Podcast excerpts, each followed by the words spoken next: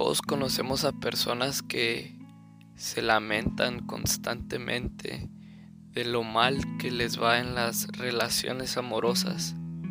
Dicen que siempre se encuentran con el mismo tipo de parejas, hombres o mujeres, con las que desean tener una relación de pareja con muchas ganas, con mucha ilusión pero que siempre acaban de la misma manera. Acaban destruidos o destruidas después de la ruptura. Y a mí me ha pasado. La pregunta aquí es, ¿es mala suerte o estamos siguiendo un patrón que hace que siempre repitamos las mismas historias pero con diferentes personas.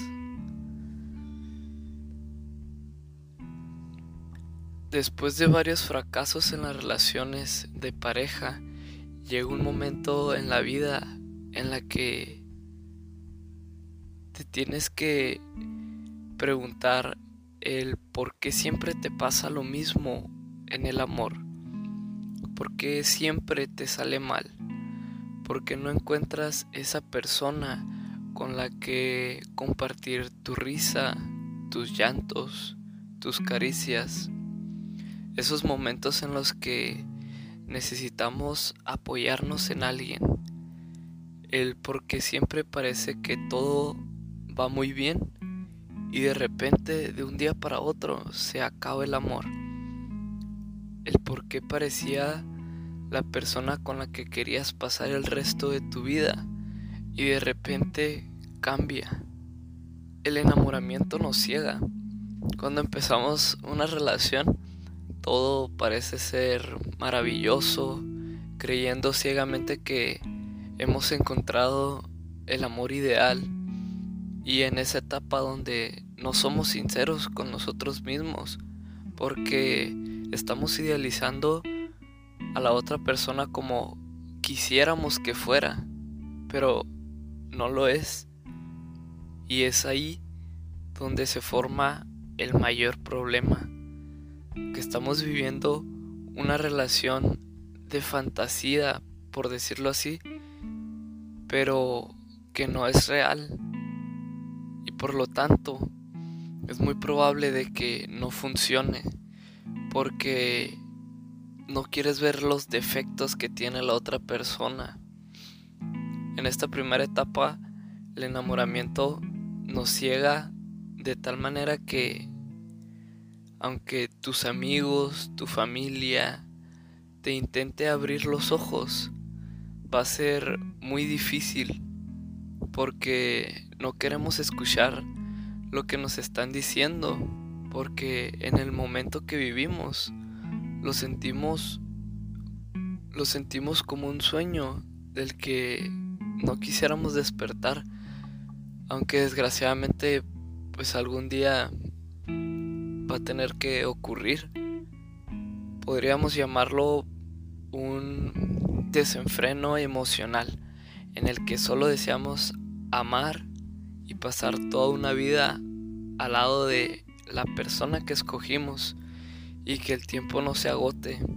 Uno de los motivos por los que el, enamoramiento disminuye su intensidad es, es porque no podemos vivir toda la vida con la máscara puesta, en la que queremos mostrar lo mejor de nosotros mismos e incluso mostrar una persona que realmente no somos. Y por eso poco a poco vamos bajando la guardia y sobre todo vamos disminuyendo toda la fantasía que teníamos proyectada hacia hacia nuestra pareja y verla como y verla como la persona que es y así empezar a conocer a la persona real, a la persona que tú mismo o tú misma escogiste. Cuando la cabeza se impone al corazón, es en este momento cuando dejamos atrás el enamoramiento para pasar a un amor más racional, aceptando todo aquello que no nos gusta, aquello que negociamos para modificar y que sea mejor. La vemos sin la venda en los ojos. Y en ese instante, y no en otro, donde decidiremos si seguimos en un camino de crecimiento personal y de, y de la pareja, o bien vas a renunciar a todo eso. Y aquí es y aquí es a donde quería llegar. En algún momento nos paramos a pensar en cómo somos nosotros mismos en una relación en vez de hablar y criticar al otro. Si empezamos a analizar todas nuestras relaciones pasadas, es muy probable que encontremos un patrón común en todas ellas, pudiendo ser los motivos por los que nos enfadamos con nuestra pareja. ¿Cómo reaccionamos cuando algo no nos gusta? ¿Qué es lo que nos molesta de la otra persona? Porque decidimos acabar con una relación que pensamos que no funciona. Entonces, si observamos que la historia se repite, es casualidad que siempre encontremos a personas con las mismas características para hacernos enfadar o decepcionar de la misma manera. O es que tenemos un problema en nosotros mismos que a lo mejor todavía no hemos resuelto y del que no éramos conscientes. Es evidente que todos podemos sufrir un desamor o que una relación no funcione como pensábamos, pero si tu caso es de los que se repite una y otra vez, pero con diferentes personas, deberías plantearte escuchar más lo que dice tu interior, qué es lo que sientes y por qué lo dice. Y ahí vas a empezar a encontrar muchas respuestas. Y aquí te invito a que escuches el último podcast que subí, que se llama El poder de darnos tiempo. Entonces, ¿cómo dejar de repetir esos patrones? ¿Cómo, cómo lo podemos hacer? Aquí te voy a dar seis consejos para dejar de repetir esos patrones con tus futuras parejas.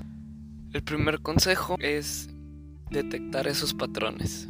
El primer paso para cambiar algo es detectar que existe el problema y dónde está exactamente.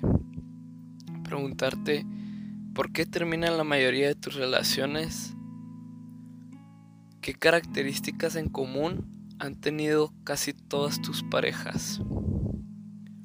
¿Tienen tus parejas cierto parecido con algunos de tus familiares?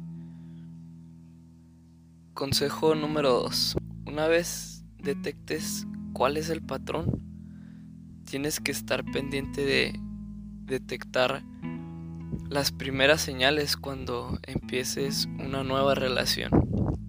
Es normal que te sigas sintiendo atraído o atraída por personas con las mismas características que en el pasado, pero ahora depende de ti cortar a tiempo esa relación, porque ya sabes que ese tipo de personas son las que te hacen sufrir y te han dado más sufrimiento que felicidad. Y lo que debes hacer es no permitir que ese tipo de personas sigan así en tu futuro. El consejo número 3 es asumir tu parte de responsabilidad. Aunque estoy seguro que no lo has hecho de manera deliberada, tengo que decirte que tú también tienes parte de responsabilidad de que tus relaciones sean siempre parecidas. Un controlador necesita a alguien que permita ejercer ese control. Si la otra parte de la pareja no permite que se ejerza ese control o pide un mayor compromiso en la relación, tenemos dos opciones. Que la relación se rompa o que la dinámica de la relación cambie. El consejo número cuatro es no trates de intentar cambiar a la otra persona. Créeme que, te lo digo por experiencia, que intentar cambiar a alguien que no quiere cambiar o que no ve cuál es el error que está cometiendo es una pérdida de tiempo. Vas a invertir un montón de energía y lo más probable es que va a seguir igual a otra persona. Está bien que le digas algunas cosas que te molestan y que te gustaría que cambiara, pero debes tener siempre claro que cada uno es libre de cambiar o no. Y al igual que la otra persona es libre de decidir cambiar o no cambiar. Y tú eres libre si decides si te vas o aceptas esas actitudes. El quinto consejo es no olvides la finalidad de las relaciones de pareja. La finalidad de una relación nunca puede ser encontrar a alguien que te complete, que te haga feliz, porque tú eres un ser completo y eres la única persona del mundo que se debe encargar con la responsabilidad de tu felicidad. Algo que he aprendido de esto es que no dejes que tu felicidad dependa de alguien. Si decides comenzar una relación, recuerda que es para sumarse el uno al otro, de respetar la independencia de cada uno y acompañarse en el camino. Y el último consejo es cuida tu autoestima. Una autoestima saludable es lo mejor que puedes tener. Para querer a alguien es un requisito indispensable que te quieras a ti mismo. Así que trabajar tu autoestima es la mejor garantía de que tus relaciones se vuelvan más saludables y satisfactorias.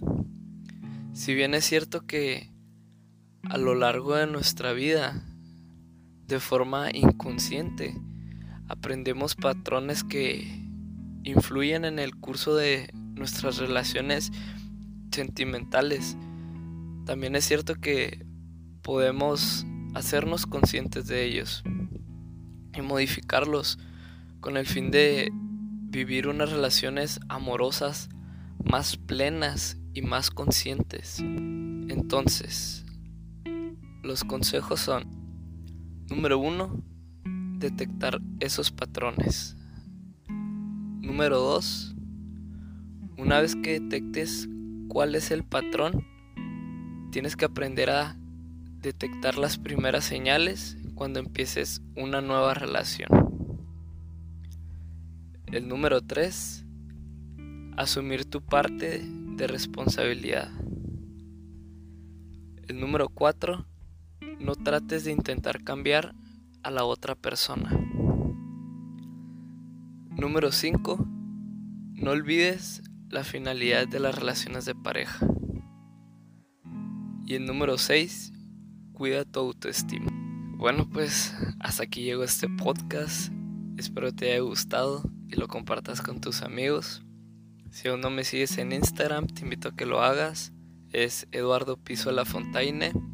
Por ahí comparto frases y aviso cuando subo un nuevo podcast. Cuídense mucho y nos escuchamos en el siguiente podcast.